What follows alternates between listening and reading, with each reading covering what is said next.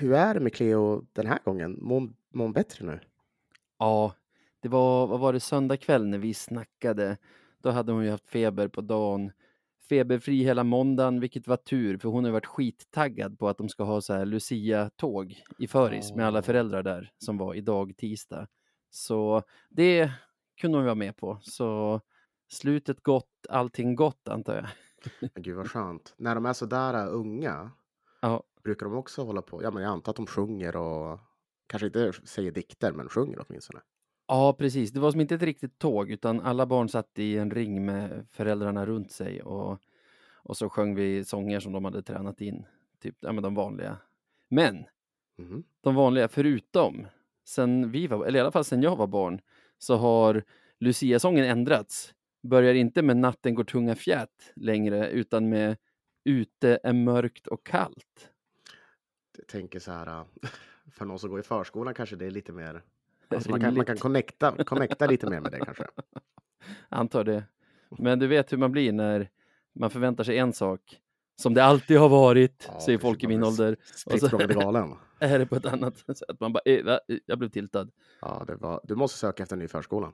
Ja, nej, jag, jag älskar våran. Däremot, eh, Cleo gick som tomte med typ en, alltså en, någon sorts feminin tomte med, med tomteklänning. Frans som pepparkaksgubbe.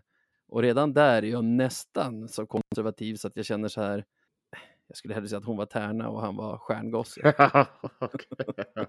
Ja, Men liksom, när de är två och tre får man nästan vara glad att de inte typ kräver att få gå som Batman och en dinosaurie eller någonting. precis. Man får ta det på, på det sättet, på den positiva sidan. Good times, boys. Let's keep the fucking shit train rolling. Take it to the final destination.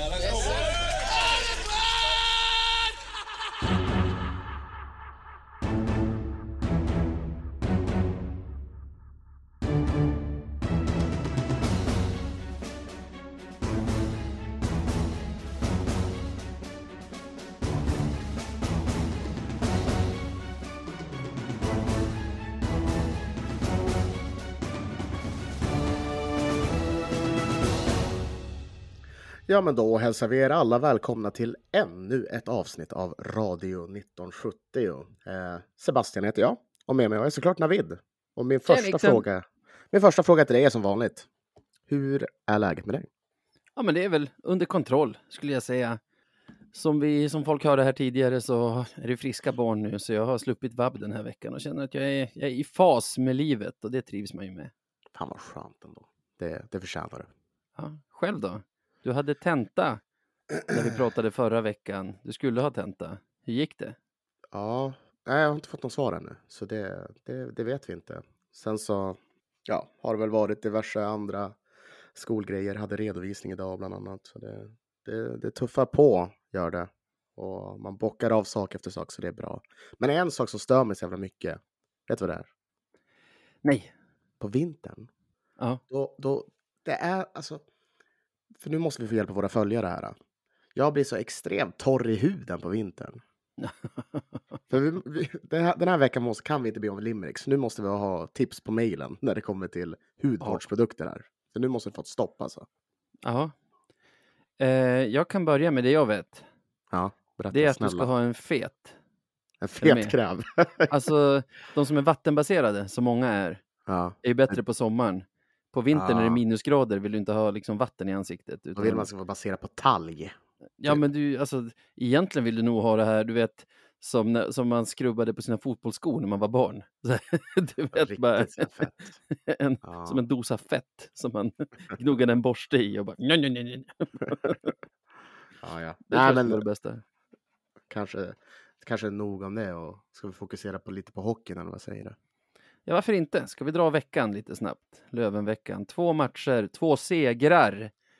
13 mål framåt, 9 bakåt. Fem poäng eftersom det krävdes straffar mot Västerås. Vi har ett powerplay den här veckan på 71,43. Vi har haft sju powerplay, gjort fem mål. Ja, det är svårt att klaga på det.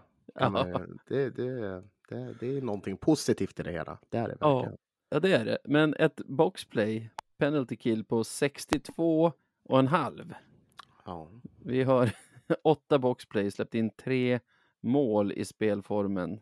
Så vi är ju en bra bit över 100, vad blir det? 130 30 någonting typ. någonting i, i special teams. Det är ju väldigt bra, får man säga ändå. Ja, det är svårt att klaga. Ja. Det, Det är ju det. Och du minns förra veckan, då satt vi och pratade om våran effektivitet som var nere på 2-3 procent väl av skotten. Ja, just det. Det är hemskt. 18,06 procent den här veckan. Det är ett hopp. Är det ju. Det måste man säga. Ja, ja det, det är konstigt hur olika veckor kan te sig som de gör. Eh, Men det, det är ju så det är med, i den här ligan och med det här laget just nu. Att det, är ju, det är ju blandat. De blandar och ger och tar liksom. Men det där är Ja. ju bättre åtminstone. Ja, det här, det tar vi. Det är totalt 122 skott. 22 i tech bara.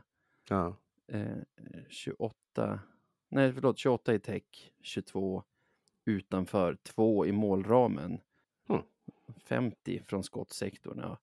Det, är, det är en bra vecka på det sättet. Och du pratade ju förra veckan om, ibland är det kanske bara tur och otur. Ja. Och jag avskyr att säga så, men jag menar från 3% till 18. Det är inte så att, alltså, det är inte så att vi har, att vår skicklighet i avsluten har, har blivit sex gånger bättre över en natt. Liksom. Nej, Så mycket precis. skottträning hinner man inte med på en vecka, utan det, man får nog bara ta det för vad det är. Alltså, ja men jag tror verkligen det. Alltså det, det för, för vad fan, det är 52 matcher på en säsong. Det kommer, det kommer ske då, då det är då det är lite otur. Och det, det får man bara svälja. Allting är inte bara katastrof när, när det väl inträffar, utan man måste, måste hålla coolet lite grann. Men börjar det ske gång på gång, ja då är det ju en trend helt plötsligt. ja, så är det ju. Eh, skadekrisen Mm. blev ju, pratade vi om förra veckan, började lätta. Då kom sjukdomskrisen in istället. Samma dag som vi släppte avsnittet släppte ju lite senare Björklöven sin laguppställning. Då saknades Kim Johansson, Mattias Nörstebö och Oliver Johansson på grund av sjukdom. Ja, Då, då var vi helt plötsligt nere på vadå? en ordinarie målvakt, eh, vad blir det? Fem ordinarie backar, tio ordinarie forwards, Tjenixen. det är som att vi jinxade skiten. Ja, nej för fan så jävla otur där. Och att det är så många som drabbas på en och samma gång. Det är ju... Men det är klart, ja. Ska det hända så ska det hända oss, liksom. Och precis vid det tillfället. Ja. Men, men det är tur att de kunde liksom rodda och lösa det ändå, känns det som. Det ja, fick ju ändå verkligen. maximalt med resultat för, från det här tycker känns det som. Och om du inte har läst VK idag så vet du inte att deras träningsrapport från tisdagen alltså rapporterar att alla spelare utom Linge och Olofsson då var på is och tränade idag. Mm. Mhm. Okej. Veti Mm. Vainio gick för fullt. Båda målvakterna gick för fullt. Okej. Gura Possler, den enda som inte, han, han ska ha haft röd tröja på sig mellan Ja. varven, alltså ej tacklingsbar. Så honom får vi kanske vänta ett tag till på. Ja, vad drar man för växlar av det då? Det svår, vi, behöver, vi behöver inte snacka om Vainio, för vi vet ju hur det ligger till- där. men, men kul annars, eh, såklart. Skönt att det börjar ordna upp sig. Det, det har ju varit tufft och man har ju blivit så irriterad på det stundtals under säsongen. Att det har blivit, eller att det har varit som det har varit och att det kanske har varit ganska oförändrat i, ja, på, liksom att Kent inte har värvat någonting. Men nu när man väl har hållit ut så känns det ganska härligt ändå, kan jag, kan jag tycka. Att det liksom inte panikvärvades något. Så nej, det, det här förtjänar vi och förhoppningsvis kommer det ha en men, positiv påverkan på, på laget framöver. Det tror jag. Ja, det tror jag. Förra veckan pratade vi också, eller spekulerade lite i Freddans, bety- eller Freddans återkomst och hans betydelse för laget. Mm. Och nu känner jag så här efter tre matcher, du får säga om du är med på den eller inte. Vi, vi vet ju hur det är med snävt urval, tre matcher är ju bara tre matcher. Mm. Men de här tre matcherna han har varit med igen så tycker jag mig se ett Löven som inte är som det brukar. Det har varit tre jobbiga matcher Först Ja. hade, hans första var i Västervik förra veckan om man säger. Mm. Som, som vi dominerade men fick inte in pucken. Ja, Just Och- det, den matchen ja. Mm. Ja, och vi som följer Löven satt ju bara och väntade på Västerviks kvittering till 0-1. Mhm. Men den kom ju inte, utan vi fortsatte, vi fortsatte liksom grinda. Och så kommer 1-0 från Fitzgerald med en och en halv minut kvar. Sen har vi veckans båda matcher hamnar vi ju i stora underlägen, eller stor, vi hamnar i underlägen, knepiga Ja. underlägen, som jag tror att de flesta Löven-fans kände igen sig i på det här sättet att okej, det är en sån kväll. Man checkar ut liksom mentalt Ja. lite grann. Ja, Återkommer nu- och sen kollar slutresultatet och blir förbannad. Ja, ja nu kan vi skita i det här. vi vet vartåt det barkar. Eh, hitta styrkan att vända båda matcherna. Mm. Jag, jag vet inte hur mycket man kan tillskriva Freddan det här, men det är ju en tydlig skillnad mot när han inte var med i alla fall, eller? Ja, och jag tror så här, för det här, det, det här är ganska intressant att du nämner det, för det här går väl ändå tillbaka till någonting som vi har snackat om alltså redan från början av den här säsongen. Att alltså, tidigare så då torskade vi matcher när någonting gick emot oss, antingen snabbt eller plötsligt.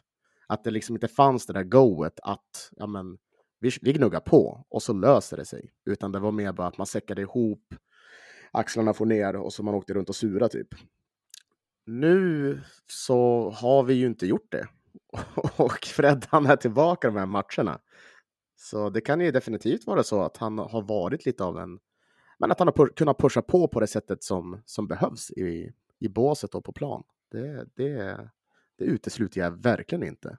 Nej, alltså jag menar, någon typ av ledarskap sitter han ju på eftersom han är utsedd till lagkapten. Och Mm. liksom det ledarskapet verkar ju, att döma av vad som hänt hittills sedan han kom Mm. tillbaka, ha väldigt positiva effekter på laget. Mm, ja, men verkligen. Ja, men det kan jag hålla med om. Så ja, men det, det är intressant. En intressant spaning där. Det blir ju som sagt, det är, det är ett snävt urval, men det blir spännande att se framöver, för vi kommer definitivt vara i underläge flera gånger.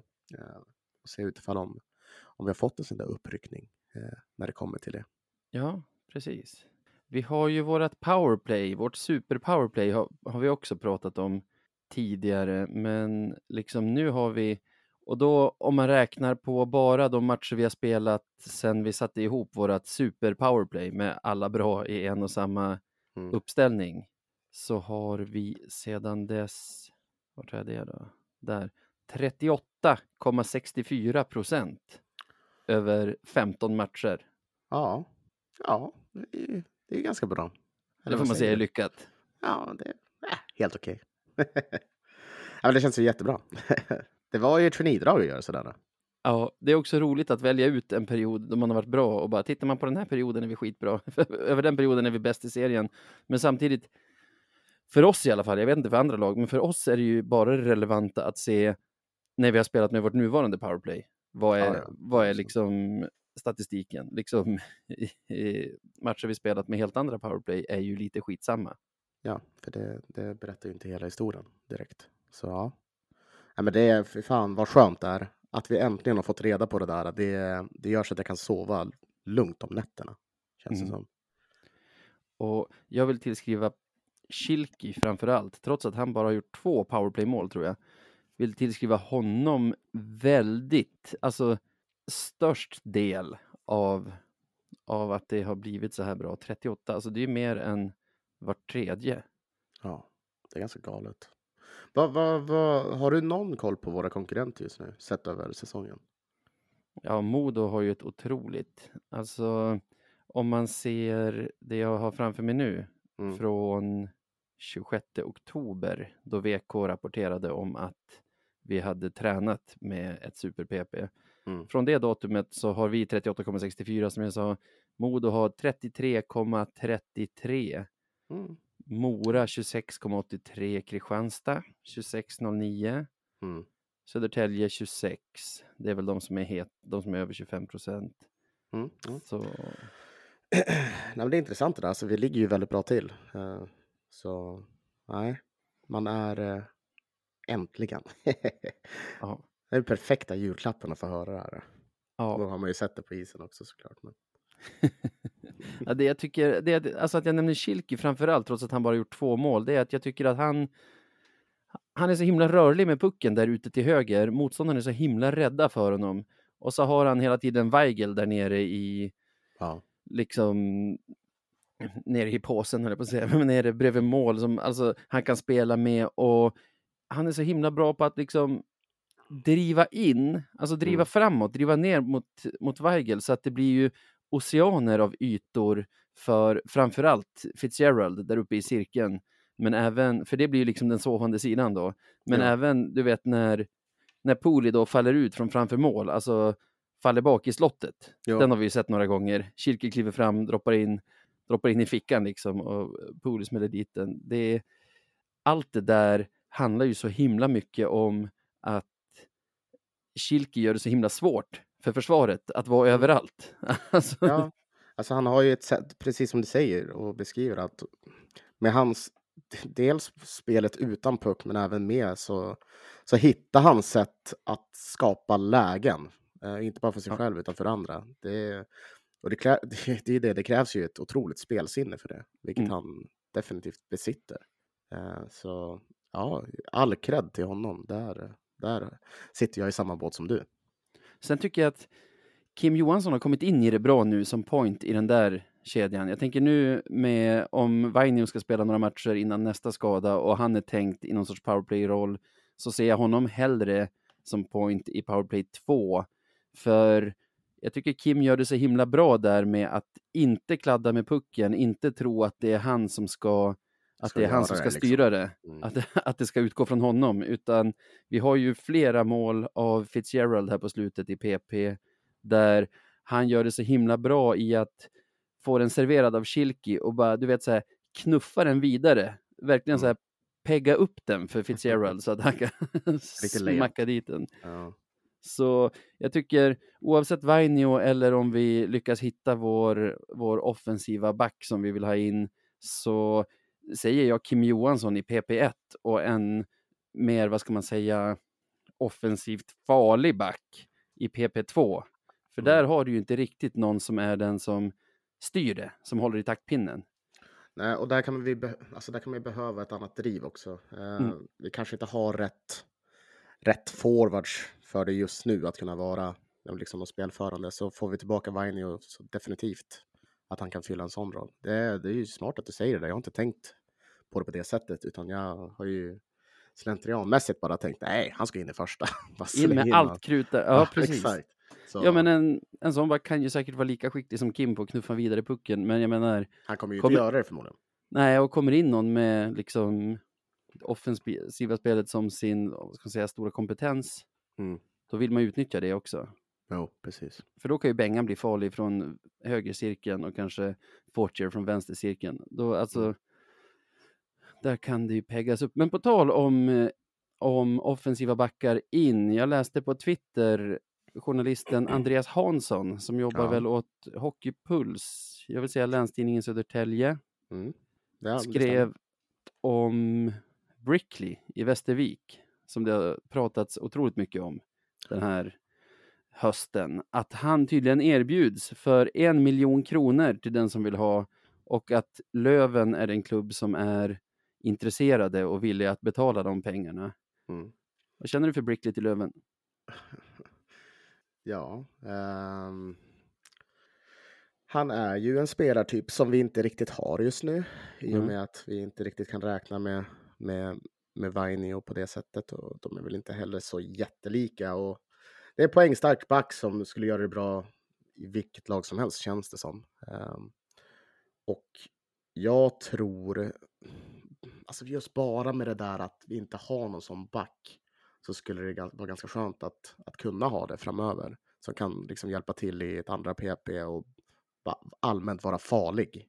Och i det långa loppet så kommer vi nog behöva så mycket folk som möjligt. Liksom. Halva säsongen har gått och hälften av truppen har redan varit trasig någon gång. Så, eh, Uh, en, en mille är ju saftigt. Det är det. Ja, det känns så himla olikt Kente. Alltså, nu, nu sägs ju Löven vara intresserade, till och med villiga att betala. Och så här, Kente har inte gjort sig känd för den som liksom plockar in de här, man vet vad man får, men det kostar därefter. Alltså, Mm. han har ju hittat de som man aldrig hört talas om tidigare, som har visat sig vara dritbra. Precis. Det här, i och för sig, om man tänker så här, men vadå, Poli, Kilke, de här värvningarna har gjort den här säsongen. Det är ju spelare som man vet från start kommer att leverera och som förmodligen kostar därefter. Mm. Och det här en miljon, det hickade jag till när jag läste. Mm. Men samtidigt, det är ju marknaden som styr. Alltså, jag sa till någon, typ så här, du kan inte förvänta dig att handla på ICA till de matpriser som var för ett halvår sedan. Och du kan inte förvänta dig att värva spelare för de priser som var i somras, nu när Mm. marknaden är så skral. För jag menar, Precis. Betalar Örebro Modo 800 000 för Marenis. För en sämre spelare. Ja, då är det kanske en miljon som är rätt pris, men alltså, Mm. man är ju inte van vid Ja. övergångssummor överhuvudtaget i hockey. Nej, man är inte det. Eh, Och en men- mille för en allsvensk klubb är också wow. Ja, det är mycket pengar. Men, men alltså, så, ja, men han är ju också en ganska, han är en en väldigt begåvad offensiv back. Han Mm. pacear ju just nu för 50 poäng som back. Mm. Eh, han, är ju, han liksom ligger på 26 på 27 matcher. Så. I ett Västervik som inte alls är så, så, så jättebra. Ehm, Nej, han kommer ju inte att pacea lika mycket om han skulle spela i Löven eftersom i Västervik får han ju säkert obegränsat med speltid. Står säkert där två minuter Mm. varje powerplay, spelar med de bästa spelarna. Här skulle han ju lira i ett annat system. Jag måste säga att spelaren Brickley kan inte prata så jättemycket om för det man har läst om honom är att han är otrolig. De matcher vi har haft mot honom, framförallt med den senaste i minnet, den vi vann med 2-0 som vi pratade om här nyss, Mm. då har jag inte tyckt att han har stuckit ut på något sånt här otroligt sätt. nej. nej, nej, det är ju svårt. Det, Han har inte sett man- ut som a million dollars i alla fall. Nej, alltså det, för det, är ju precis som du säger, det man har sett är typ highlights. Ja, För, för man, man följer inte riktigt Västervik. Men, eh, men som sagt, av vad man har hört från folk så ska han ju vara, han ska ju vara väldigt, väldigt bra. Så. Ja, vi får se vad, vad Kente gör. Men eh, ja, jag hade väl inte blivit jätteledsen om vi värvar honom. Även Nej. om det är ganska saftigt, liksom. då, då är det väl så. För jag tror Ja. inte att det, det, det, det minskar ju inte chanserna för oss att göra bra ifrån oss i hockeymatcher. så. nej, precis. Och jag litar så himla mycket på Kente där, så jag menar, Mm. eh, kan vi hitta en bättre eller lika bra spelare för samma pengar, då, då antar jag att Kente gör det. Och kan Mm. vi inte det, ja men då är en miljon rätt pris, hur galet det än låter. Ja, Så- då är det då är det. det. Ja, och så där litar jag på Kente. Fan, sjukt ändå. Kom att tänka på en sak nu. Mhm. I och för sig, det är himla platt. Det är lite som att säga så här i efter, alltså, det är lite som att investera i efterhand. Du vet att man kan säga så här, åh, jag borde ha köpt en lägenhet när jag flyttade till Stockholm 2006. Då hade- Alltså, hela den där grejen. Alltså. Ja, men tänk att vara sportchef i SHL Mm. idag med den marknaden som är, att du tvingas betala 800 000 för Marenis typ.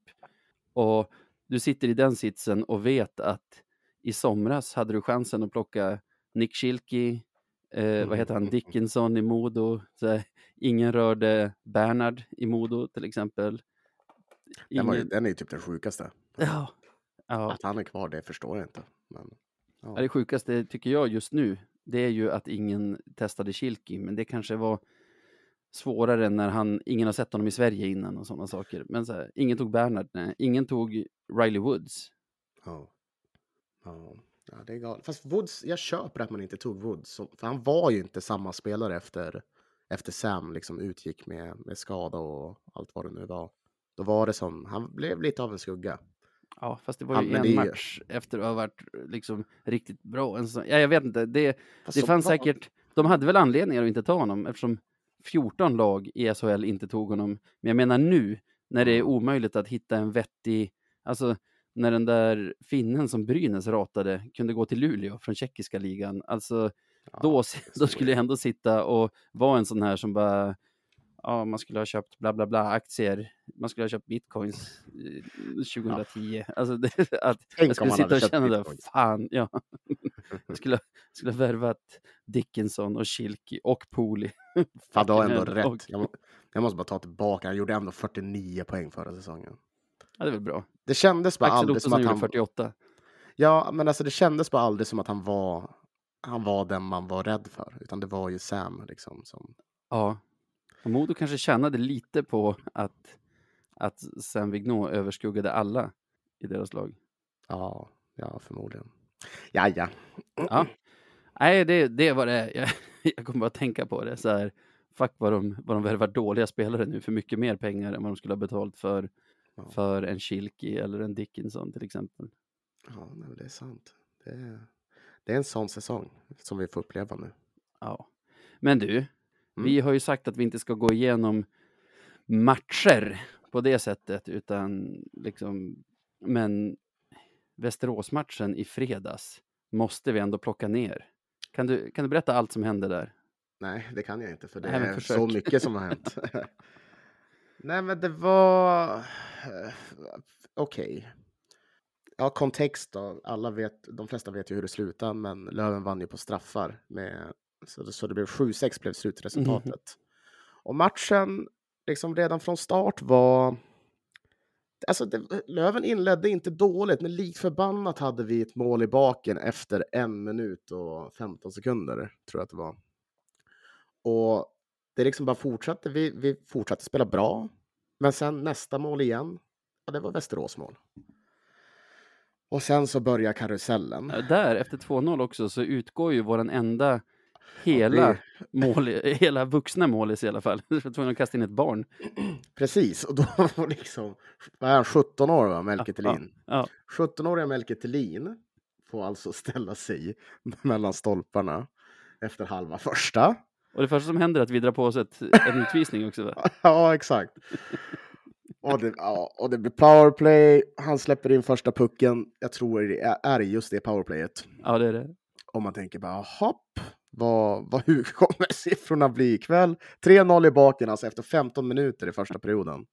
Vi lyckas, vi lyckas till slut göra ett, eh, ett tröstmål i powerplay av Fitzgerald, såklart. Ja, det som händer är att det blir någon sorts kaos. Det blir massa utvisningar och vi får en 5 mot 3.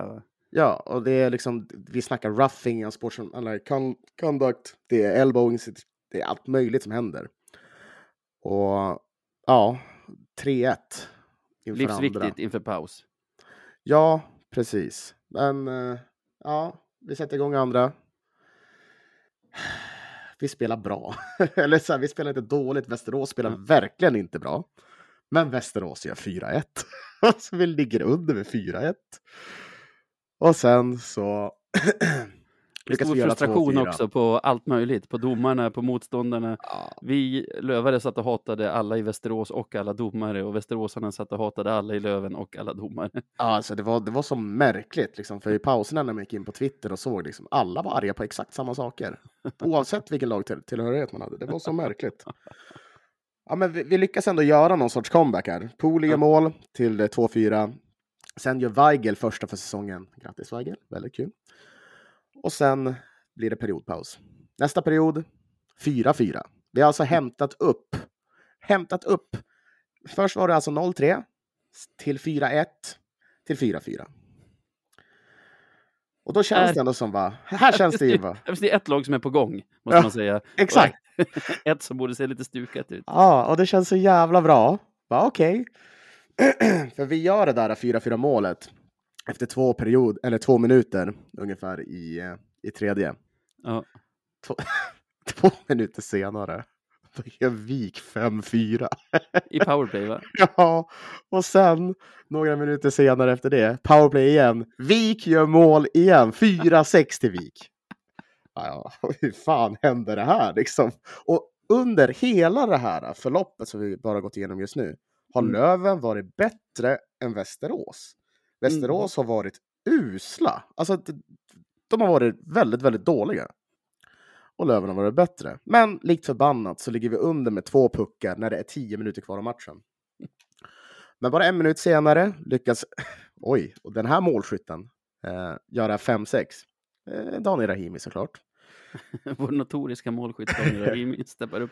Ganska fint, jävla fin pärla han sätter dit också. Ja, det är faktiskt sant. Han gör några sådana där per säsong. Så. Ja, ja. ja, anyways. Eh, så då står det 5-6 vid det här laget. Och det ska ju hända mer. När det är en minut och 30 sekunder kvar, då har vi alltså tagit ut målvakten och Scott Pooley lyckas alltså kvittera matchen. Så Pooley står ju för en makalös jävla, eh, jävla tre perioder då han gör tre mål. Okej att- stämning på H där, eller? Ja, det är det ju. För det är ju som, det är så märkligt. För det, man har varit uträknade och sen var man med igen. Det är lite som, vet du vad det här påminner om? Det påminner Nej. mig om matchen mot Västerås. När vi, alltså för att undvika kval. För Ja. att det kändes bra. Kändes åt helvete. Kändes bra. Kändes åt helvete. Kändes bra. Jätte, Mm. jättebra. Och så skulle det även den här matchen bli. För ja, det är en ganska tillintetsägande eh, sadden som leder till straffar. Och då har vi alltså, som sagt, Melker Tellin. Har vi inte ett sudden där vi drar på oss en utvisning där? Eh, ja, det gör vi, men det, jag tycker inte så här. Det hände inte jättemycket i den utvisningen Nej. vi väl tacka Västerås. Lite trubbiga just där powerplay. Inte trubbigt för kvällen, de gjorde ändå vadå, tre powerplay-mål. Men just där Ja. var de lite trubbiga och det, det får vi tacka för. Precis, så det, det, ja, det kändes aldrig som att någonting skulle hända, men det går till straffar. Och ja, Poli, stor hjälte där, gör två mål. Eh, och Tellin är väl den, kanske den största hjälten som endast släpper in ett mål. Eh, Ja. Det är ju lika efter tre straffar. Poli Mm. har ju satt en och vem satte för dem? Det var Lukas Zetterberg. Luke Zederberg. Mm. Och så, så Poli får lägga, han får lägga tre straffar. Tre straffar. De sätter första, missar andra, sätter tredje. Jävla busy night. Ändå så här. Alltså, ja, alltså ja. Det blir ju fem mål i sig. Men, ja, ja. Ja, men ja precis. Han överlistar mål sen fem gånger, men det är ju Mm. fyra mål i statistiken. Ja, Det, det tycker jag är vettigt. Alltså, annars skulle ju hela skytteligan kunna avgöras i en lång straffläggning där någon spelare får lägga liksom åtta straffar. Ja, fantastiskt. Det är... Så ska vi ha det i framtiden. Men ja, nej, men alltså som ni hör, det är ju en... Jag var För helt det- matt efteråt. Ja, för det är så mycket som hände. Det... Alltså utvisningarna var... ja, Vi ska inte klaga på domarna, för det pallar man inte göra, men det var... Det var märkligt, kan man säga. Mm. Många märkliga beslut som togs.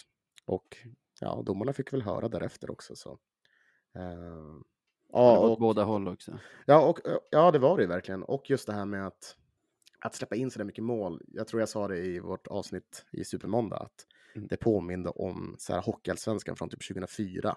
och då var det så här, normalt resultat var det så här, att möta Bofors och det blir 8-2 typ. Eh, men eh, Till dem. ja, ja, jo, precis. Eller typ så här Vallentuna, 8-2, Nybro.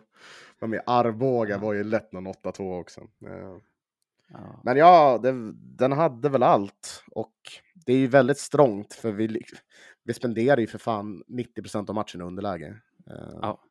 Ja, vi ledde aldrig den matchen Nej. Så, som det, vi vann. så vi, vi lyckas. Vi lyckas ändå ja, ta två poäng. Det är en Ja. fantastisk bragd. Det är ju det. Jag var inte speciellt, jag tyckte att det var en så kallad pyrrhusseger direkt efteråt. Ja, vi vann matchen, men vi torskade vår enda hela målis. Nu när båda Mm. Ja. är i trän alltså, tränar för fullt utan att vi har spelat, alltså, behövt spela en enda match efter det så eh, bra för fan, kul. Ja, ja, då blir det som en rolig grej helt plötsligt. Ja, ja, Men ja, nej men det var, det var en match. det, det var en match var det. Jag var helt slut. Jag gick och la Ja, mig Tur, tur att det inte var något på spåret. Ja, Det faktiskt. Nej, men jag blir slut bara när jag tänker på det. För det, det, det, det är så mycket att unboxa. Och jag minns att jag så här satt dagen efter och bara, vad fan hände igår egentligen? Först var jag tvungen att känna efter, är jag glad eller inte? Ja, men jag är väldigt glad, landade jag i. Så, Jag har en annan sak vi måste unboxa. Mhm. vi, i den här matchen tar vi en timeout eh, i Mm. slutet för att vi måste göra mål. Eh, klassiskt mot Västerås. Du pratade ju tidigare om den här matchen 2017 Jaha. som vi var tvungna att vinna för att, för att undvika negativt kval. Och där tar vi en timeout när vi ska ta ut målvakten. Det lät så här då. Jag skiter i vem som står var. Men att vi får det här utseendet på trean. Här uppe, en hög trea. In med gubbar där. Så vi får högsida där, högsida där, in, ut där. Men hög trea, jävligt hög trea. Och går mycket på skott boys, men vi tar inte han riktigt än utan Känn lugnet, men Hages powerplay på isen. Och lasta in på kassen, lasta in på kassen. Full koll boys. Klassisk Löven-timeout. Djävulskt hög trea, säger Jocke Fagervall. Ja, fan vad man älskar den karln alltså. Jag, jag hörde något rykte om att han kanske, jag tror han var i hallen och såg Ja, den matchen. Han är i Umeå nu. Pappa har Kul. sett honom på, på Kummin också. Käka lunch. Så. Otroligt att han fick se just den här matchen också. Vilket, vilket åh! Nej, men uppstyrt. Uppstyrd Mm. timeout där mot Västerås som faktiskt genererar att vi gör ett mål. Alla står i en halvcirkel runt och kollar när han ritar på tavlan. Mm. Eh, nu i fredags behövde vi också ett mål i slutet, så vi tar en timeout. Lät så här. You stay, you take the goalie. I'll take goalie, I'll take goalie. Okay, there you go. You go. Yeah. I'm breathing. Let's kick, win the face off, go weak side, and never blow. You five, I'm taking the goalie. You're a defenseman. Take the weak Yeah, side. we go, we go four forwards. I think I should take the goalie because then you can play wing. No, I know, but it, I don't give a fuck. Someone has to take his Yeah. Get in, chip it up in I there. know, I'm on. So, If we don't have who time. plays, who plays second D? Jerry. Iron. So, this, kick it to, kick it to Kim. Kimmy, I'll kick it to Kimmy, okay. You gotta get it in. Det känns, som, det, känns, det känns som att det pågår sju olika konversationer samtidigt där. Ja, mycket, mycket snack. Men ja, den var, den var bra också. Jag gillar den. Bra kommunikation. Hon är så jävla härlig. Jag måste hämta andan. Liksom så här, väljer att han blir den sjätte som hoppar in på, på plan för att han, för att han är trött. King alltså. Ja. Ja, det är bra. Otroligt! Ja, men det är så det kan låta. Det är, ett eget språk liksom. Man må, måste ju studera det där lite grann tror jag. Ja, och så här, kanske att alla fattar vad som händer, men det känns som att så här, när timeouten tar slut så är de fortfarande kvar på vem som ska gå in istället för Ja. målisen. de har hunnit säga vinn tekningen, sparkar inte Kim och lite sådana saker. Ja. Ja, det är- Men det slutar med mål. Så jag börjar tänka att de här som säger att det är inte så viktigt vad du säger under en timeout, utan bara att du tar den för att liksom, eh, vad ska man säga, lugna ner. Ja. samla, samla grabbarna. Nej men precis så. Liksom samla och liksom bara få, få det här andrummet som behövs. Och liksom bara ja, säga. Vi måste fram. Vi måste göra mål. Så enkelt. Ja, ja. Bra med timeouts. Bra Stråle att du tog den. Mm. Och bra, Bra Alla snack. spelarna. Liksom. bra, bra tugg. en annan sak som är bra, som jag tänkt på. Nu är inte vi en SSK-podd Mhm. eh, och vi är inte Supermåndag, så vi ska inte prata så mycket om andra lag. Men Södertälje förlorade ju dina två matcher i veckan. Men jag tycker ändå att det känns som att de är på riktigt. De är ett, alltså, det är en fyra i toppen egentligen, som är lite bättre än de andra. Och jag tror att det är ganska bra, satt jag och tänkte på idag. Det var därför jag slängde in det i köris nu, att jag har hela tiden tänkt att det är tre lag i den absoluta toppen. Där de som vinner serien, vilka vi vet kommer vara Modo nu, kommer att få en lite lättare väg till final. Medan Löven och Djurgården förmodligen kommer få varandra i semi. Och det laget som vinner kommer komma ganska slutkörda mot Modo. Mhm. Men så blir det ju inte riktigt nu när SSK är med i det. För det första är det inte säkert att de kommer fyra, att det är Löven och Djurgården som tvåa, trea. Mm. Utan de kan komma tvåa, trea eller fyra. Och det kommer hur som helst vara två tuffa semifinalserier. Så de som möts i finalen, det är ingen som kommer som typ HV förra säsongen eller Timrå säsongen innan det, nästan så här haft lite semester mellan, mellan grundserien och finalen. Det har du nog rätt i. Man kanske ska omvärdera det där lite grann. För jag tror att jag var inne på exakt samma banor som du. Egentligen har vi delat upp det i, i ett plus två. Mm. Att vi har Modo som är på en helt annan nivå. Och sen har vi Björklöven och Djurgården. Men, eh, men ja, det är fyra bra lag kan man väl säga. fyra lag som är lite bättre än alla andra. Ja, Det, det, och ja, som du säger. För just nu så är det helt omöjligt att säga vart man kommer hamna där. Nej. Det, det känns svårt. Man vill inte vara en bettare nu liksom. nej, men hur som helst.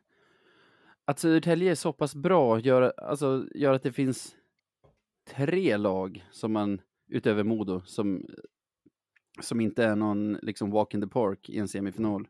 Och det tror jag är bra för vilka som än tar sig till finalen, att det, det finns någon sorts jämnhet i hur tuff väg man har haft dit. Tur att du inte sa det. Jag tycker det är bra för svensk hockey. ja, nej, men det är ju såklart. Alltså det, det, det, det gör så att det blir lite mer jämnt i det hela. Eller lite mer rättvist kan man väl säga. Så, ja. Men fan vad spännande. Också jävligt skönt för då slipper man höra alla södertäljare gnälla. Att det är bra att de får vara lite bra stundtals. ja, det är väl det. Vi har hunnit halvvägs genom grundserien. 26 av 52 matcher har vi lirat. Mm. Så Ja. jag tänker att det är väl läge att kanske utvärdera den första halvan lite grann. Det kan vi väl göra. Hur eh, vill du gå tillväga med detta? Vi har 47 poäng. Det skulle innebära 94 totalt Mm. om man tar samma skörd i andra halvlek. Då ska man komma ihåg att många av lagen i toppen, typ Södertälje och Djurgården, har vi bara mött en gång. Så vi har Mm. kvar tre mot dem. I och för sig bara kvar en mot Karlskoga som är ett lag som vi tydligen alltid förlorar mot nu för tiden. Vi har väl, är det hästen vi har mött tre gånger till exempel, så de har vi bara en gång kvar. Känns Det- som det. Ja, alltså i alla fall på pappret svårare motstånd andra halvan än första halvan. Men Mm. också förhoppningsvis, jag tar i trä här, förhoppningsvis färre skador under den andra halvan. Mm. Precis, som kan vara lite av en game changer för oss där. För det, ja, vi, normalt sett har vi inte svårt för bra lag. Nej. Så, ja. Ja. Det blir intressant att se hur, hur den andra halvan utspelar sig. Men eh, just har den här som vi precis har genomlidit har ju varit, ja, okej. Får Det säga. mitt svar. Alltså, så här, efter, fast om man, om man tänker efter ordentligt så tror jag att utifrån förutsättningarna så har de ändå varit relativt bra. Ja, vi jag tycker, jag tycker vi har gjort det bra. Alltså vi Ja. ligger tvåa, trea. Djurgården Precis. vann ikväll, så trea.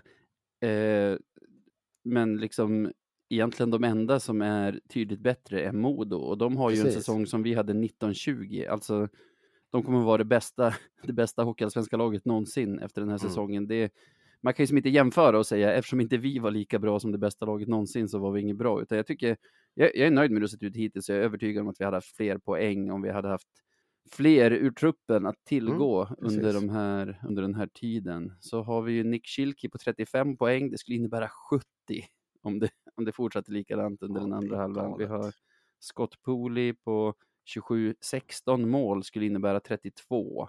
Mm. Schilkes 17 skulle innebära 34. Det är ju alltså, vi snackar typ så här, vad har vi? Jag tror Jon Palmebjörk är den som gjort flest på en säsong med 24. Så har Mm. vi någon 22 målsäsong av Hutchings och någon av, ja men Bengan förra säsongen. Wiklund har varit uppe på 21. Så Mm. nu snackar vi pace för 34 och 32. Helt okej siffror ändå. Ja, Ja. Nej, men eh, precis som du säger, det, det har, vi har gjort det bra helt enkelt. Ja. Eh, fullt Det varit- första halva va? Ja, för det har varit en sån vild eh, första halva med alla skador och allting. Så ja, ja det håller jag med om.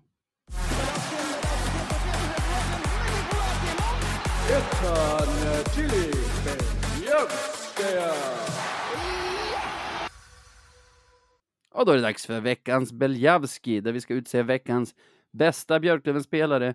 Förvisso snävt urval, bara två matcher, men vilka matcher sen? Ja, precis. Eh, som, alltså ja, man, man har ju hittat kandidater av olika Ja. anledningar. det har ju varit. Alltså det borde vara omöjligt att vi ens är, behöver hålla en tävling en vecka när en spelare har gjort fem mål. Då pratar jag Mm. om Scott Pooley, ett mot Mora, fyra mot Västerås. På fem poäng har vi också Kristoffer Bengtsson 2 plus 3, Nick Schilke 0 plus 5. Vi har Fredrik Weigel på 1 plus 3, 4 poäng. Mm. Eh, vi har tre mål av Jerry Fitzgerald, så det finns att ta av. Dessutom har vi haft en succédebuterande glad ungdom i, Mm. i kassen också. Precis. Så är du sugen på att köra först? Jag kan köra först, så tar jag det jag har tänkt. För Mm. annars finns det risk att du tar den. Eh, nej men jag, jag landade lite efter det hela eh, i just Melker Thelin. Mm. För eh, alltså, det är jättemånga som har haft superveckor poängmässigt, men just eh, total liksom prestation på banan under de här matcherna kanske inte har varit så starkt för, för utespelarna. Men Melker kommer in helt liksom färsk eh, i första perioden, efter halva första perioden. Släpper för, förvisso in några mål, men blir en stor matchhjälte genom eh, straffläggningen. Då han, vad, vad sa vi, han räddade väl tre straffar. Han räddar fyra av fem. Fyra av fem till och med. Det Och det är där vi har hans prestation. För under match räddar 24 av 28 skott och landar på knappt 86 procent i räddningar är ju inte det vi kommer minna honom, honom för. Det är inte det vi alltså kommer minnas den där fredagskvällen för. Nej, nej, för nej, utan det, är liksom, det, blir ju, det blir ju ändå... Det, det i sig som 17 är ju habilt, men, men just det... Det är inget liksom som vinner matcher åt ett lag på det sätt som fyra av fem straffar vinner matcher åt ett lag. Nej, precis. precis. För där visar han ju verkligen kyla och eh, sin kapacitet. Eh, Mm. Han var... Ja, men, han, var han var inte ute och flaxa eller någonting, utan gjorde det bra, stoppa puckarna på ett helt korrekt sätt. Och man var väldigt, väldigt imponerad över honom. Såg ut att ha pondus där i straffarna också. Gick Ja. ut och mötte upp och så här. Såg ut som han hade gjort annat. Han har räddat nog. Han har tränat på, på gården. Tänkte du också på det här skit också? De senaste veckorna har vi liksom tvingat Diorio att Mm. träna på frilägen genom att ge bort en massa frilägen till, Ja. till Karlskoga och Mora och Västervik och allt vad det är och liksom tvingat honom att, att rädda dem. Att det Mm. känns lite som en så Mr Miyagi. Nu är det straffar och nu är du inkörd på frilägen och så bara fuck, han är borta. Lite så. ja, det, var, det är lite otur, men ja, det var väldigt skönt att det löste sig. Och, och fan vad skönt det är att vinna en straffläggning. Det, Ja. var, det känns som att det var år sedan. Mm. Så nej, det här var, det gjorde oss väldigt gott det här. Så, så min, min nominering blir Melker, för jag är väldigt, väldigt imponerad över honom. All right. Melker Thelin får sin första nomineringspoäng för Mm. säsongen. Det lämnar mig i lite av, eller det är inte svårt för mig, men det finns så många man vill, alltså mm, till exempel efter onsdagens match, Mhm. där Kristoffer Bengtsson stod för 2 plus 3. Ja, det är galet också. Ja, då kände jag verkligen att så här, ja men det där kommer att vara min veckans Beljavski-nominering den här veckan. Jag låser in det. Eh, ni kan ta det. Tycker det var så himla, alltså han har ju missat en hel del på grund av sin skada den här säsongen och är ju en spelare som måste göra mycket poäng för att liksom, för att vara sig själv. Ja, man ja. säger. Så jag var himla glad för hans skull den, den kvällen. Nästan lite så här, för då såg jag på sociala att eh, Daniel Rahimi fick den här Pippi-dockan Ja. av Freddan efter match. Och det handlar nog mycket om alltså att Freddan tackar honom för att han har kaptenat laget så bra på, på under den tiden har varit borta, antar jag. Han gjorde ingen Mm. dålig match i Mora heller, Rahimi. Han gör aldrig en dålig match, så han skulle kunna ha den där dockan hela säsongen om, om det är så. Prenumerera Eh, på den. Mm, Men jag kände så här, fan det var ju fan Bengans docka den här veckan. Men sen kom ju fredagen. Mhm. Weigel får göra sitt första mål. Och med göra Ja. mål menar jag Schilke skjuter på hans ben.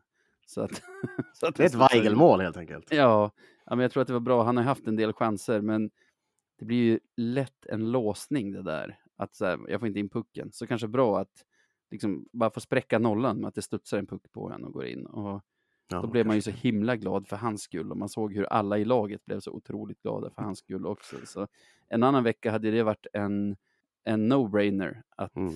att veckans Beljavski nominera honom. Kilke har varit hur bra som helst i veckan, men det här har ju mer och mer blivit en tävling som är the best of the rest. Ja. Och jag landar i att i slutändan är det inte svårt ändå. Eh, Bole gör fem mål, varav fyra i en och samma match som vi vinner med 7-6. Det är ju en spelare som i den matchen bär oss på sina axlar. Ja, precis. Ja, det är ju... Snacka om att steppa upp när det verkligen behövs. Det är... eh, Det är länge sedan någon gjorde så många mål i en och samma match tänkte jag säga. Men det känns som att, det, att de Jon mot varandra. Almtuna va? 2013. Ja, ja just det. Ja. Nej, men det... Ja. Han gjorde det bra helt enkelt. Det, jag tycker det är en, Det det är en, det är en fantastisk eh, nominering om du väljer den. Det, Jag, jag har redan valt den. Ja, då så. Och jag tycker det är så himla härligt med Kilki. Alltså, när vi tappade Liss i somras, en spelare som jag absolut inte har tänkt säga någonting dåligt om, för det är en jag gillar. Mm. Men man var ju besviken.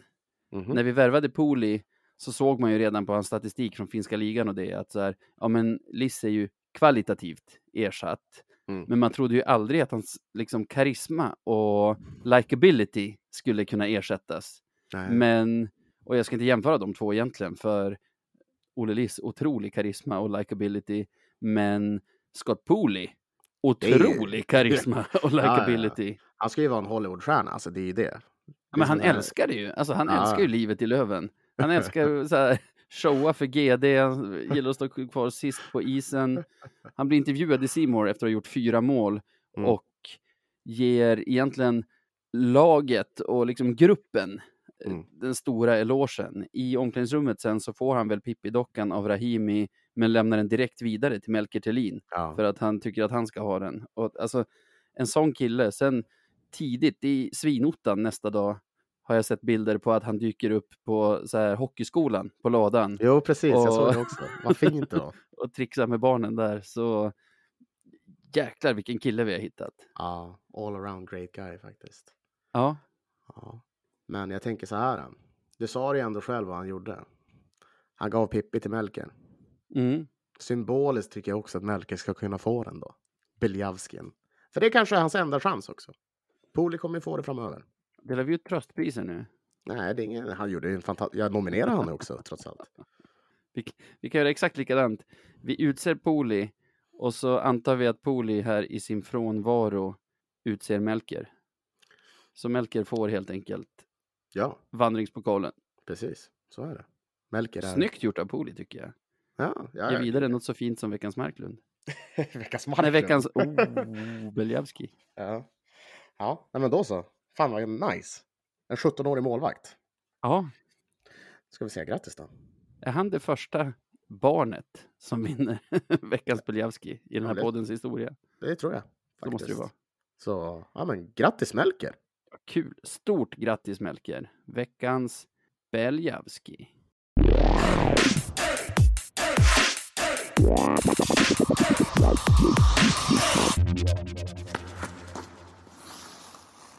Och även den här veckan har vi ju ett betalt samarbete med Vi Marketing. Kan du berätta lite om dem? Du, det gör jag jättegärna. Nej, men Vi Marketing är ju ett, man kan väl ändå kalla det en lokal byrå. Eh, Det kan man. som, eh, som helt enkelt erbjuder så kallade helhetslösningar. Alltså mycket, mycket bra saker för små och stora företag. Och då kan det vara allt ifrån att bygga en hemsida till att ja, men göra viktiga saker som är rätt så svåra som att analysera liksom, men vilka vilka är inne på min sida? Hur optimerar jag mina annonser i sociala medier och så vidare? Sånt som helt enkelt de är proffs på och vi inte är. Är de primärt, skulle du säga, en marknadsföringsbyrå eller Björklöven-fans? För de är väldigt mycket av båda. Ja, jag tänker att det är 50... Ja, men det kanske är primär... Nej, ja, de är nog lika mycket båda delarna. Och hur får man kontakt med dem då? Jo, man gör så här. Man kan mejla dem på info.vimarketing.se eller så gör man ja, men kanske på det sättet jag hade föredragit. Att man går in på deras hemsida, alltså som är www.vimarketing.se och så hittar man alla kontaktuppgifter där. Och det finns säkert något telefonnummer man kan ringa där också, så det är bara att surfa in och, och kika helt enkelt. Så är det. Och anlitar man dem så stöttar man ju på sätt och vis oss också. Precis.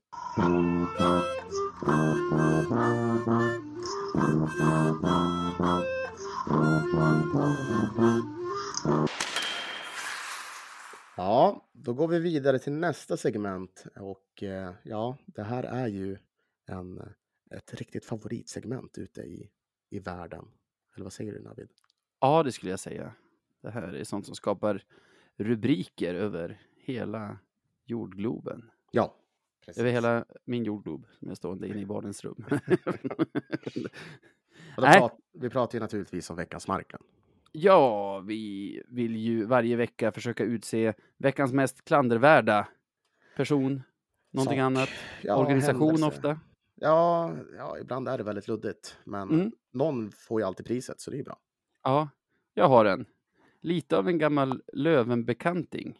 Brukar man kanske säga om folk som har spelat med oss. Det har ni inte. Mhm.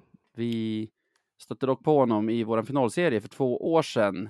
Okej. Och då pratar jag om Timråspelaren Sebastian Hartman. Ja, Som, det.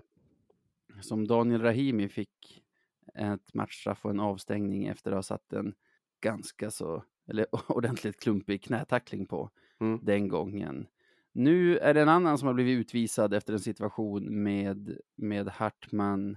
Kommer inte ihåg vem det var, men i alla fall, för jag såg det bara som GIF i efterhand. Ja. Efterhand i Timrås match i torsdags, tror jag det var, så åker en motståndare för en hög klubba. Eh, Ja. det, klubban är uppe i luften och man ser hur eh, Hartman faller, faller framåt efter, efter att klubban har varit där uppe.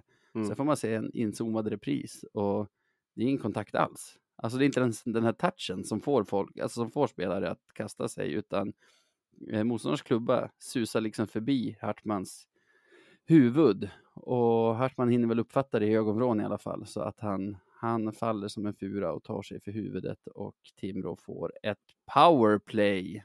Hartman blev senare- Powerplay. Hartman blev senare anmäld och dömd av disciplinnämnden för embellishment eller diving eller vad det heter. Ja. Fick böta de, de eh, tusenlapp, 5 liksom. 000 kronorna som, som verkar vara praxis. Ja, väldigt klassiskt klandervärt eh, beteende kan man väl Ja. ändå kalla det där. Eh, så ja, det, det, det, det är det. Undrar om Hartmans pappa tittade på matchen? Att han liksom han ringa sina lettiska torpeder eller vad det är han, han pratar om att han har tillgång till och var tvungen att liksom ringa tillbaka efter att ha sett reprisen och bara skit i det. Ja. Jag hade ju nästan glömt bort hela det där. Men ja, vet Vi ska inte gå aldrig. dit igen. Nej. Där har du min Eh, nominering i alla fall. Ja, det är en bra nominering, för sånt där är fan något av det värsta som finns. Eh, och det, ja, det känns som att det blir mer och mer också, men jag vet inte om det stämmer. Men... Men också så här, tror vi har pratat om det någon gång, den här skillnaden man gör i fotboll mellan förstärkning och filmning. Mm. Att ofta det vi kallar filmning, och som jag tycker i och för sig är typ lika klandervärt, är ju när det är en utvisningssituation. Mm. Alltså du blir hakad på riktigt eller crosscheckad på riktigt, men du vet att du inte kommer få utvisningen om du inte dyker och därför dyker du. Mm. Det är ju en sak. Men det här att helt utan kontakt överhuvudtaget Ja, säcka ihop ja. för att vinna en fördel, det är ju ändå, om Det det, finns grader i helvetet så är ju det ännu värre. Ja, ja. Om, man, om man skulle lägga upp det där på någon skala på något sätt mellan filmning eh, mot förstärkning Mm. så är ju det där superfilmning Mm. helt enkelt. Så, ja, nej, den, den, ja, usch, usch, usch, det gillas inte alls. Så, nej, eh, bra nominering. Tack, Tycker tack. För det har varit ganska, om man inte väljer typ fokusera på domare så har det ju varit väldigt, ja, inte jättelätt den här veckan. Men, men det är bra, bra att du snappar upp den. Jag har eh, inte en spelare utan förmodligen en person. Ja, förmodligen. eh, det kommer, jag, jag, kommer, jag kommer inte kunna ta reda på vem personen är, men du, ja, du kommer få höra. Seymour har ju nu under december månad en julkalender Just det. på sociala medier där de släpper eh, ett videoklipp eller ett minne från någon säsong eh, varje nummer. Då. Mm.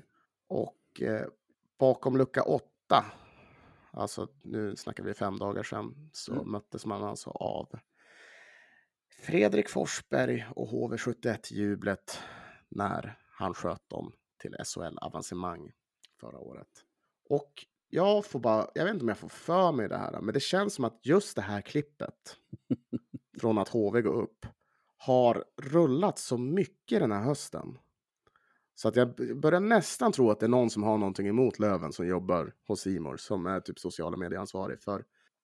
Man ser det den fan varje vecka. Ja, ja, ja, fast jag vill... Ja, vem gör det? Nej, nej. Vi lövare vet att allting är en konspiration mot Löven ja, naturligtvis. i slutändan. Ja. Men liksom det känns som att nu får det fan ta vara nog. snälla, snälla någon. Jag orkar inte se något mer på det där. För som sagt, jag, vi har, det känns som att vi har blivit pepprade med skiten under hela jävla hösten. För de visar alltid, du vet, så här äh, tillbakablickar och highlights och allting från skit som har varit. Och det kommer alltid till den jävla matchen alltså. Kan visa någonting från när Färjestad vann SM-guld. Visa det. Jag ser hellre det. Jag blir så jävla trött på det där. Alltså. Alltså, de nominerade är ju i så fall den på Simor eller de på Simor som envisas med att väldigt ofta visa det där klippet på när Fredrik Forsberg skjuter upp HV i SHL. Ja, de kan visa något annat när det går dåligt för Löven. Alltså så här, just det där är ju också så här, nej, dels det är för tätt inpå. Sen så, ja, med tanke på hur de där matcherna avgjordes, ja, borde spelas om, enligt mig. Men, ja, nej, det börjar bli tröttsamt, det är det. Jag klarar av de första månaderna med det. Men nu, nu, nej, nu får det vara nog. Nu orkar jag inget mer. Jag älskar det. Kan det ha någonting att det var ju ett sudden death-mål som liksom avgjorde en hel säsong? Att det har det är en massa lag som spelat 52 matcher följt av ett slutspel på för vissa, eller i alla fall vissa, för oss 13, 18 matcher och sen är det det målet som avgör så att det är ett, dramat, ett, ett dramatiskt ögonblick som liksom är lite av en höjdpunkt i Hockeysverige för alla utom oss lövare från den gångna säsongen. Att det ökar relevansen på det och att det visas oftare. Nej, det tycker jag, nej. Ja, det är den här konspirationen mot Löven. Ja, jag tror det. Ja. det Jag tror att du har rätt egentligen, helt klart. Ja, för nu tänker jag så nu, till och med HV-fans måste bli less på det där nu. Ja, Fan, de spelar ju SHL. Lå- Vill de inte lämna det där? gå Det var, ingen, det var ingen bragd heller för dem egentligen om man tänker efter. Med den jävla truppen som de hade. Det är ju, snarare är det ju ganska pinigt att vi lyckades ta det till fem matcher. De borde skämmas, borde de göra. Varenda gång de ser det där klippet. Oj, hur lyckades vi vara så usla? Ja. Usch. Jag skriver upp nominerad någon på Seymour, men som jag tycker ändå stannar på en hedrande andra, andra plats i den här veckans, veckans Marklund, eller? Du jobbar fortfarande kvar på Viasat, va? Det stämmer, Bra. via Play. Via, via Play, förlåt mig. Ja, okej. Nej, men jag kan ändå leva med, med lyckan att Simon alltid är ganska klandervärda ändå. Ja, Det är liksom det i bakhuvudet här så, så har jag den tanken att det finns alltid saker att klaga på där. Så de är ständiga Marklunds typ. Men ja, absolut, Hartman får vinna den här veckan. grattis Hartman! Grattis, grattis. Veckans Marklund.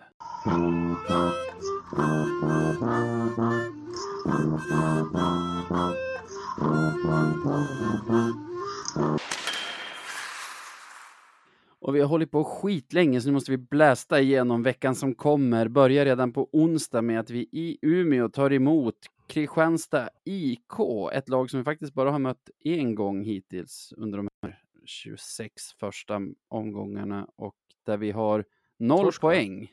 Ja, Vi hade en match där, där vi tog igen ett underläge men tappade. Och mm. tror vi förlorade med 7-4 till slut. Oj. Ja, så kan det vara. Men så blir det inte den här gången. Eller? Nej, Vad ska jag börja? Så. ja, kör du. Uh, ja, okej. Vi... Jag tror så här. Uh, det kommer nog inte bli ett målkalas som det har varit de, de, de ja, nya, alltså matcherna som vi spelade nyss, utan det kommer förmodligen, förmodligen bli ganska tajt. Varför? Ah, jag vet inte riktigt, men det känns som det. Jag tror vi kommer torska den.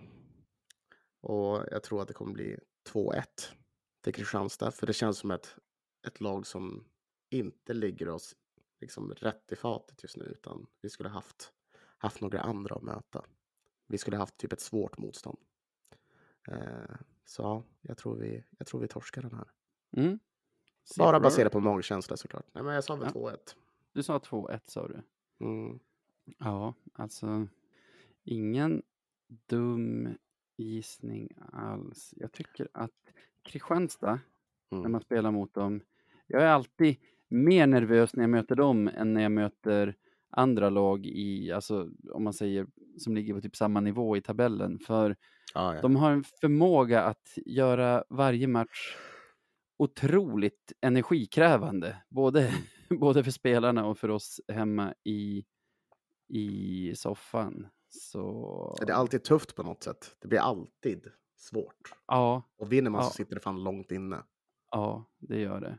Och ofta så här, vinner man så man ändå mer så här, frustrerad än glad i, i slutändan Ja. ändå. Ja, lite så är det ju.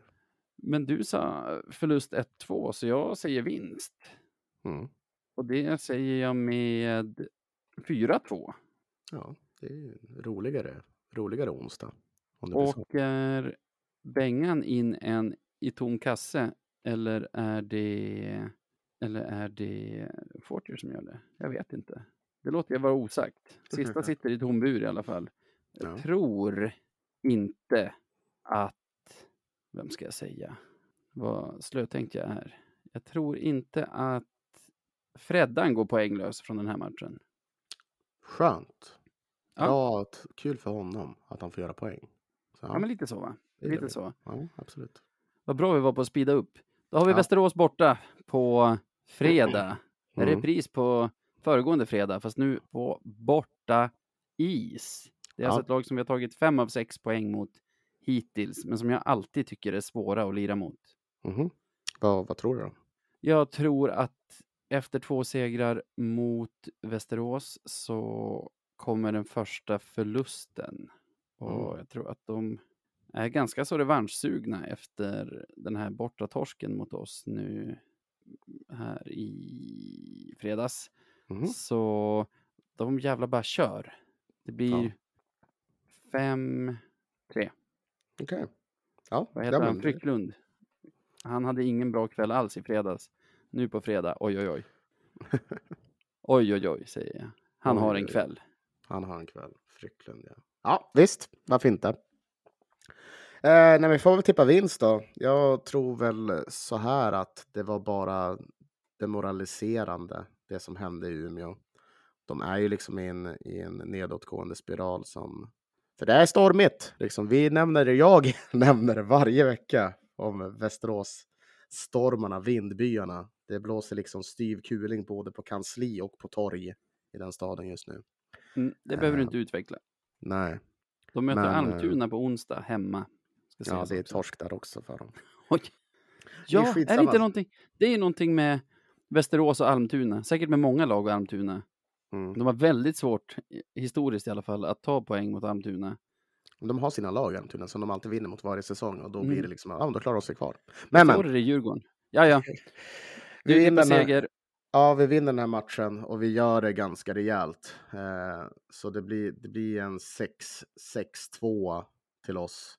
Eh, det kommer bli show för vi kan göra många, låg, må, eh, många mål på Västerås, det bevisade vi förra matchen. Skillnaden kontra den är att vi faktiskt spelar, eh, eller ja, de har inte lika mycket tur plus att vi eh, spelar lite bättre defensivt också. Så. Så, så kan det gå. Jag tänkte på att Hutch inte gjorde något mål i fredags. Han har ju lag som han trivs mot. Jag tycker alltid han gör mål mot Karlskoga och Västerås. Mm. Ja. ja, Karlskoga gör han alltid mål mot. Mm. Det är våran Manuel Ågren liksom, fast ja, inte ens samma lag, men ja, du vet vad jag menar. Ja, Lyssnare jag köper vet vad jag menar. Rakt av. Så, och så kan man ju kontakta oss, eller hur? Ja, precis. Eh, så nu är det Limericks och eh, hudvårdsprodukter till eh, radio1970.se på Twitter och Instagram och, eller podcast radio1970.se om man vill mejla oss. Så, Precis. Och mejlat oss har Per på Costa gjort igen. ja, okej. Jag kul. gillar den här. Han har tweakat lite på sin Mm. limerick. Ja, Så den liksom, det är inte det, det är inte det vanliga liksom upplägget, men, men fan vad den sitter. ja nej, men fan, kör den. Med podd 1970 man hänger och lyssnar när grabbarna dänger. Några matchtips ni ger och till en Marklund man ler innan radion man ledsamt sen stänger. Ja, den var bra. Det fortsätter, men man vet att det snart ett nytt avsnitt står klart och direkt uppåt leendet svänger. Jävlar, han körde två delar alltså. Galet. Ja. Ja. Han tweakar konceptet, men kanske är det för att den just handlar om oss som jag känner det här är den bästa någonsin i världen. Ja, ja, det är det faktiskt. Hittills. Fortsätt bara. Fortsätt bara. Stort tack till alla er som orkar lyssna på oss vecka ut och vecka in. Mm. Stort tack till dig för den här veckan Sebbe. Kul att snacka som alltid. Ja, men detsamma, detsamma. Och jag får väl säga, ha det gött!